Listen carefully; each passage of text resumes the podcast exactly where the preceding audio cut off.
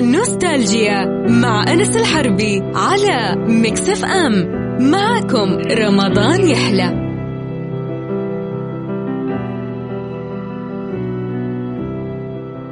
يسعد مساكم وأهلا وسهلا فيكم في نوستالجيا معكم أخوكم أنس الحربي. اليوم قصتنا في نوستالجيا لشخصية يقولوا لها إنه شارح أرسطو ومعلم الغرب اللي هو ابن رشد. ابن رشد كان من الفلاسفة. فيلسوف وإنسان عبقري جدا في هالعلم وفي السياسة وفي الحكمة كان اسمه مشهور جدا في ذلك الوقت. وأكيد طبعا ما وصلتنا شخصية ليومنا هذا بعد ألف سنة من ذاك الوقت اللي هي سوت إنجاز في التاريخ ولا هي كثر البشرية اللي كانوا قبل ومسلمين وناس كويسة. لكن ما وصلنا إلا الناس اللي حفرت اسمها في التاريخ. روح لاسمها الشخصية هو أبو الوليد محمد بن أحمد بن محمد بن أحمد بن أحمد بن رشد. ولد في قرطبة بالأندلس اللي هي أسبانيا اليوم سنة 520 للهجرة. كان أبو أحمد قاضي. وكان جده أيضا قاضي القضاة. فنشأ ابن رشد في أسرة تشغل المناصب السياسية. من بلغ ابن رشد 11 سنة وكما جرت العادة في علماء ذلك العصر أو مسلمين أو أطفال مسلمين ذلك العصر حفظ القرآن الكريم في هذا السن. ومن وصل عمره 15 سنة حتى أتم دراسة علوم الفقه واللاهوت والحديث والتفسير والأصول من أبوه ودرس أيضا اللغة والكلام والأدب من علماء قرطبة ذاك الوقت. ما اكتفى ابن رشد باللي أخذه؟ لأن قلنا هذا البيزك يعني عندهم العلوم الأساسية. هذا الأساس يعني أنا طفل من أطفال المسلمين تأسس عشر سنين قرآن آه، بعدها بكم سنة أختم الحديث والفقه والتفسير. بعدها إذا بيدرس شيء ثاني الطب على شوية رياضيات على شوية كيمياء على فلسفة. يعني كانوا العلماء في ذلك الزمان يا جماعة ما يكتفون بشيء. يعني إحنا في هالزمن صار الواحد يؤمن بتخصص أو مسار معين يمشي عليه طول حياته. لا زمان كان حياتهم كلها علم. علم يعني خلاص أنا بكرة أبى أدرس فلك. فيبدأ في الفلك ويقعد فيها شهور وسنين ويختمها. يلا خلصنا منه حفظناه سوينا كتب رياضيات. ويدرس فيه وهكذا في مختلف العلوم. قلنا ان ابن رشد ما اكتفى بهالعلم اللي اخذه قلنا بيزك هذا شيء أساسي. درس أيضا الطب والرياضيات والفلسفة والمنطق والفيزياء. على يد شخص اسمه أبي جعفر بن هارون الترجاني الطبيب المشهور وعلى يد شخص آخر اسمه أبو مروان بن جربول البلنسي. وهذول كلهم أطباء مشهورين في ذلك الوقت. وأيضا درس الفلسفة على يد شخص اسمه ابن طفيل. وش رأيكم يا جماعة؟ نروح الفاصل. يلا فاصل. وبعد الفاصل نكمل معاكم قصة ابن رشد اللي يسمونه شارح أرسطو ومعلم الغرب. خليكم ويانا. نوستالجيا مع أنس الحربي على مكسف أم. معكم رمضان يحلى.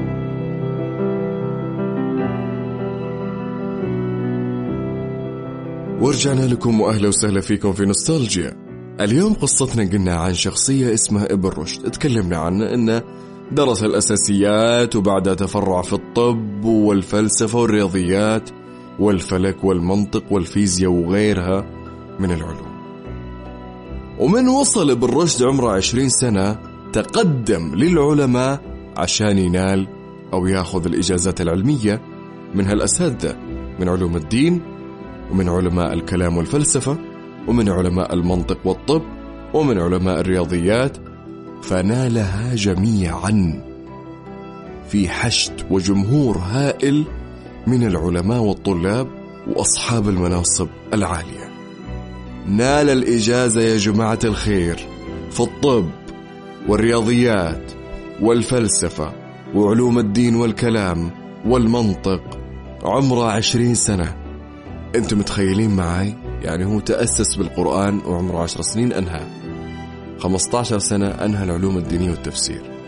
يعني خمس سنوات خلص الطب والفلسفة والرياضيات والفيزياء والمنطق وأشياء كثير جدا يا جماعة.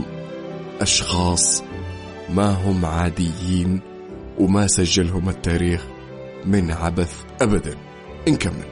بعد ما أخذ بالرشد معرفة واسعة في كل هالعلوم بدأ بدراسة وقراءة كتب العلماء القديمين اللي سبقوه يعني فقرأ كتاب القانون في الطب لابن سينا ذكرناه في قصة ابن سينا.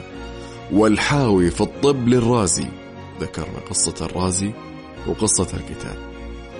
وقرأ كتب الفارابي الفلسفية وأرسطو حتى تشبع من المعرفة في الطب والفلسفة.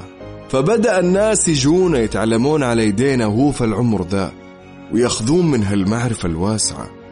وكان بالرشد آخذ خطوات ابن سينا والرازي في معالجة الفقراء بدون أي أجر. فكان مثلهم ابن رشد. يعني ثلاث شخصيات كانت تعالج الفقراء مهما كان بدون أجر اللي هم ابن سينا والرازي وابن رشد.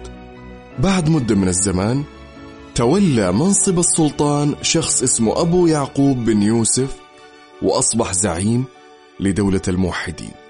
وكعادة هالسلاطين في ذاك الوقت كانوا يختارون وزراءهم لابد أن يكون فيلسوف وطبيب. فاختار السلطان أبو يعقوب شخص اسمه ابن طفيل اللي هو أستاذ ابن رشد واللي علم ابن رشد. وفي يوم من الأيام زار ابن طفيل ابن رشد في بيته وأغراه بالسفر معه إلى مراكش عشان يقدمه إلى السلطان أبو يعقوب. فوافق ابن رشد وخرج مع أستاذه وصديقه إلى مراكش. يقول ابن رشد دخلت على أمير المؤمنين أبو يعقوب يوسف بن عبد المؤمن زعيم دولة الموحدين فحصلته هو ابن الطفيل وما معهم أحد. فأخذ ابن طفيل يثني علي ويذكر بيتي وسلفي ويضم إلى ذلك أشياء لا يبلغها في قدر يعني كان يجاملك يعني رفع بلهجتنا اليوم رفع عند أمير دولة الموحدين.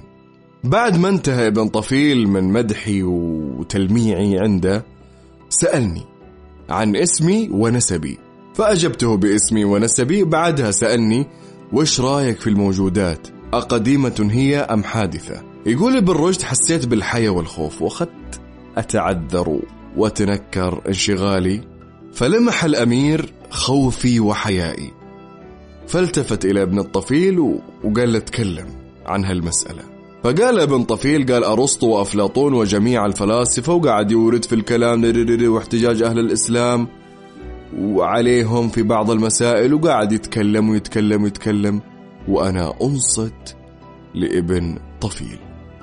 فقال ابن رشد وهو ينصت قال لم أجد أحدا في غزارة حفظ هذا الرجل اللي هو ابن طفيل. بعدها في مسألة اختلف عليها ابن طفيل مع أمير الموحدين. وقال ابن طفيل ابن رشد روح حل هالمسألة لأن أمير الموحدين كان يشتكي من بعض عبارات أرسطو وعبارات المترجمين. يعني كان في غموض في مسائل أرسطو وقاعد يقول لو أحد يسوي كتاب فقال ابن طفيل أنا ماني بفاضي يا أبو رشد. تعرف شغلي أنا كوزير وطبيب يعني أشغالي كثير جدا. وش رأيك تتفرغ أنت لهالمسألة تسويها؟ ضبط الكتاب وتشوف الأمور. اللي يبيها السلطان. فقال له ابن رشد تم. وراح ابن رشد يسوي هالكتاب أو هالملخص عن أرسطو والشروحات اللي كان يحتاجها السلطان. وكان ابن رشد في ذاك الوقت بلغ من العمر 29 سنة. وبعد فترة انتهى ابن رشد من اللي طلبه منه ابن طفيل اللي كان يتمناه حاكم الموحدين. أو سلطان الموحدين يعني قال أنا أبي شيء أو كتاب ملخص يشرح لي بعض العبارات اللي غير مفهومة وللمترجمين ما ضبطوها. نبي نفهم أشياء في أشياء مفهومة كثير في كتب أرسطو. فأنهاها ابن رشد. وراح سلمها للسلطان ففرح السلطان بهالشيء واستأذن ابن رشد إنه يروح يرجع إلى قرطبة. فودعها السلطان ووزيره ابن طفيل وأعطاه مال وألبسه لبس السلاطين مو أي أحد يلبسه. وأعطاه جواد أصيل وأجرى عليه راتبا لا ينقطع. خلال ال 13 سنة اللي تلت وصول ابن رشد إلى قرطبة. كان ابن رشد قد أنجز ملخصات لكتب فلاسفة اليونان والإسلام وتعليقاته عليها. ياخذ الأشياء اللي مو مفهومة يوضحها ويترجمها ويضبطها ويعلق عليها. والأشياء الخاطئة بعد يعلق عليها.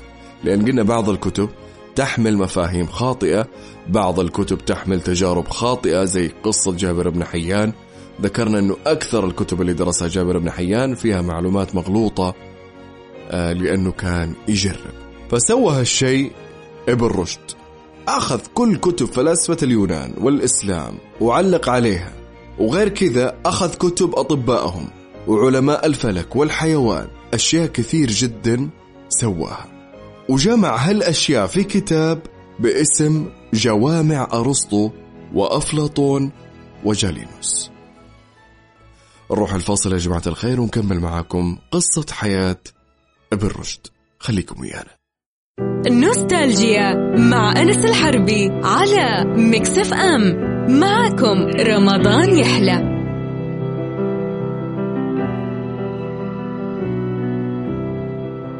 ورجعنا لكم بعد الفاصل وأهلا وسهلا فيكم في نوستالجيا.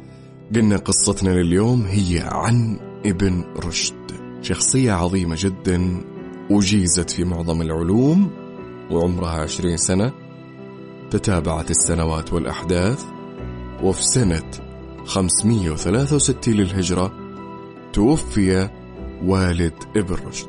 فحزن ابن رشد يعني حزن كبير جدا لدرجة إنه انقطع عن الدراسة والتأليف وعزم إنه يحقق أمنية أبوه ويصير قاضي مثل ما تمنى أبوه لأن أبوه قاضي قلنا وجدة كان قاضي. فراح أرسل رسالة لابن طفيل اللي هو وزير السلطان أبو يعقوب فأرسل له إنه يطلب منه إنه يعينه قاضي. فوصل ابن طفيل الرسالة للسلطان أبو يعقوب فعين ابن رشد قاضيا لإشبيلية فورا. فانطلق ابن رشد إلى إشبيلية ليستلم مهامه القضائية. كان ابن رشد ذاك الوقت عمره 44 سنة من وصل إلى إشبيلية وبدأ مهامه القضائية. مشى على درب أبوه وجده. ومن مسك منصبه وبدأ مهامه القضائية رجع مرة أخرى إلى التأليف. وأتم مشروعه الفلسفي الهائل بكتاب أسماه المقدمات. وبعد عشر سنوات من تولي ابن رشد القضاء أصدر السلطان بتعيين ابن رشد قاضيا للقضاة فعاد إلى قرطبة وتوجه ابن رشد إلى دار القضاء. وباشر عمله كقاضي القضاة. وبعد مدة قصيرة أضيف منصب جديد لابن رشد فقد أصبح الطبيب الأول الخاص بالسلطان أبو يعقوب. وأمرها السلطان أنه يبقى في قرطبة وما يغادرها أبدا إلا بإذن منه. وبعد سنتين أصاب ابن طفيل مرض شديد جدا. فأرسل إلى إبن رشد اللي هو تلميذه. فمن قرأ الرسالة إبن رشد انطلق على طول إلى إبن طفيل ومن دخل حصل السلطان عنده فرحب فيه ودخل إلى إبن طفيل اللي كان منسدح على سريره. وجلس يحاول مداواته لكن ما في فايدة. وفي صباح اليوم الثاني لفظ إبن طفيل أنفاسه الأخيرة. فحزن ابن رشد والسلطان حزن شديد جدا. وما مرت فترة طويلة إلا مرض السلطان بمرض شديد أيضا. وجلس ابن رشد يحاول إنه يداويه ويعالجه وما هو بقادر. ويحاول مرة مرتين ثلاث ما في أمل. إلين توفي السلطان بعد شهور من المحاولات والمعاناة مع هالمرض. فرجع ابن رشد إلى قرطبة. وبعد سنوات قليلة وضع ابن رشد كتابه الضخم في الطب الكليات في الطب. لكنه ما كان راضي عن نفسه قلنا في التأليف وفي طرح الكتب لأنه تأثر بوفاة أبوه وانقطع عن التأليف زي اللي يقول لك انسدت نفسه فما ألف إلا كذا كتاب بعد ما أصبح قاضي. بعد جلسة عتاب كذا مع النفس دخل ابن رشد مكتبته وخلال عشر سنوات وضع ابن رشد أربع كتب ضخمة. أولها هو تهافت التهافت وهو كتاب فلسفي. وأيضا كتاب الكشف عن مناهج الأدلة في عقائد الملة. وهو كتاب في تفسير النصوص القرآنية. وكتاب بعد اسمه فصل المقال فيما بين الشريعة والحكمة والاتصال. والأخير اسمه بداية المجتهد ونهاية المقتصد وهو كتاب في الفقه الإسلامي.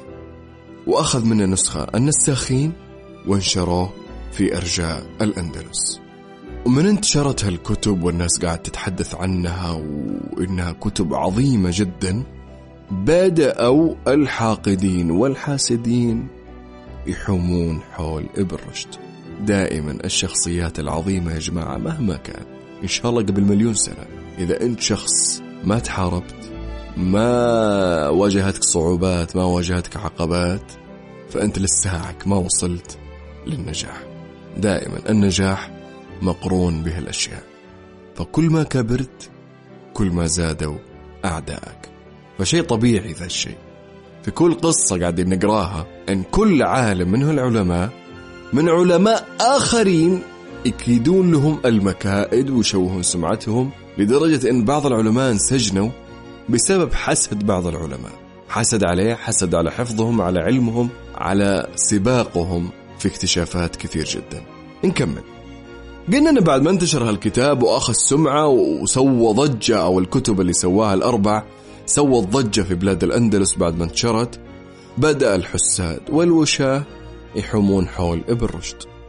وقلنا بعد ما توفى السلطان أبو يعقوب مسك مكانه ابنه السلطان الجديد اللي هو أبو يوسف يعقوب بن يوسف. فراحوا قالوا لازم نسقط ابن رشد عند الحاكم. نروح لجانب آخر ابن رشد في وقت انشغال هالحساد والوشاة بالإيقاع فيه كان يستقبل التلاميذ عنده من كل مكان في الأندلس والمغرب العربي. انتشر صيته قلنا في كل مكان. ومن بين هالتلاميذ اللي حضروا عنده اللي هو أبو محمد عبد الكبير واللي أصبح قاضيا فيما بعد بمساعدة ابن رشد. وبعد سنتين جاء السلطان أبو يوسف إلى قرطبة عشان يعد العدة ويجهز الجيوش لمعركة فاصلة مع ألفونسو التاسع في موقعة أو معركة الأرك. فانتهز الفقهاء هالفرصة. والعلماء اللي كانوا حاسدين ابن رشد فقالوا للسلطان أبو يوسف إحنا ما, ب... ما بنتكلم ولا بننصح الناس إنهم يروحون معاك عشان هالمعركة لأن قلنا السلطان أبو يوسف جاء يجمع الجيوش من رجال قرطبة من رجال الأندلس. فاستغلوا هالفرصة هالحساد وهال من الفقهاء والعلماء وقالوا ما إحنا مكلمين الناس ولا إحنا حاثينهم على هالشيء. إلين تطيح بابن رشد نبي راس ابن رشد فدبر تمثيلية شخص اسمه محمد عبد الكبير اللي هو كان طالب عند ابن رشد واستفاد من علمه. فهذه نهاية المعروف. فهو اللي دبر الخطة لهم. أو خطة تمثيلية. وكان رئيس خصوم ابن رشد. فجاء السلطان مع رئيس الخصوم أو رئيس خصوم ابن رشد اللي هو أبو محمد عبد الكبير اللي كان طالب عنده. وخان أستاذة أو معلمة ابن رشد وكان ابن رشد حاضر يناظرهم. يعني أنا سويت فجاب أبو محمد عبد الكبير اللي هو الطالب هذا ورقة من كتاب الحيوان إنه ادعى إنها من كتاب الحيوان وزعموا إنها بخط يده مكتوب فيها عن السلطان إنه ملك همجي وقد شهد عليها مئة شاهد. وأكد ابن رشد أنه هذا مو خطي ما هو بخطي روح قارن. وقدم ابن رشد ورقة أخرى لنفس الكتاب مذكور فيها أنه ملك البرين. البرين يعني بار من البر. لكن ذولي صاغوها بصيغة ثانية وقلدوا خطة عشان يوقعونه. وقالوا عنه بعد اتهموه إنه قال في كتابه الكليات من اشتغل بعلم التشريح ازداد إيمانا بالله. فما أنكر ابن رشد هالشيء. وقال اللي يعرف تكوين الجسد البشري يؤمن بالله أكثر. واتهموه أيضا إنه في إحدى كتبه قال إن الزهرة إحدى الآلهة. قال ابن رشد هذا كتبته كما يعتقد السابقون. يعني أنتم تجتزون بعض الكلام وتتهموني فيه. زي الآن هالفترة آه، مثلا ناس تستقطع مثلا مقطع فيديو من جزء معين أو تقطع كلام. فالناس تأخذ بهالمقطع اللي انتشر. وما تدري عن المقطع السابق أو اللاحق لهالمقطع. فقاعدين يتهمون اتهامات باطلة كثير. وشاف السلطان انها التمثيليه قاعدة تضحكة يعني يعني مضحكة. وش هالاتهامات الخايسة؟ ما فيها يعني إنه الواحد ياخذ فيه حكم. بعدها السلطان يعني أنهى التمثيليه وقال إحنا الآن في محنة ونحتاج الجنود والناس وكل رجل عشان نقاتل الفرنجة. فراح لابن رشد وقال أعتذر منك يا ابن رشد لكن أنا بنفيك إلى اليشانة وهي مدينة صغيرة أكثر سكانها يهود. بعدها ساند الفقهاء وهالعلماء مثل ما وعدوا هالحاكم أو السلطان أنه بيوقفون معه. وفعلا نفذوا وعدهم ولموا الجيوش من أهل الأندلس فانتصر أبو يوسف على جيوش ألفونسو التاسع. وما وقفوا على كذا. بعد ما انتهت الأمور هذه وطيروا ابن رشد وخلوا الأمير ينفي إلى ديار اليهود حركوا الوعاظ في المساجد والشعراء وكل الناس بأبيات ضد ابن رشد. فوق ما إنهم أذوه وابعدوه عن منطقته وعن منصبه فوق إنهم نفوه خلوا الأمير أو سلطان الموحدين ينفي بعد ما سبوا في حالة من الشعار من الخطباء. من الوجهاء. الكل كلم عليه وآذاه بالكلام. مجرد حسد فقط. وفوق ذا بعد اتهموه إنه سعيد في هالمنفى لأنه يهودي. لفقوا عليه أشياء جدا كثير بل وجمعوا معظم كتبه اللي كانت منشورة قلنا نسخها النساخين وأحرقوها في ميادين قرطبة وإشبيلية أمام الناس. كل هالسوايا اللي سووها عشان هالكتب. مجرد حسد وحقد لا أكثر. نروح الفاصل يا جماعة وبعد الفاصل نكمل معاكم سيرة العظيم ابن رشد. خليكم ويانا. نوستالجيا مع أنس الحربي على مكسف أم. معكم رمضان يحلى.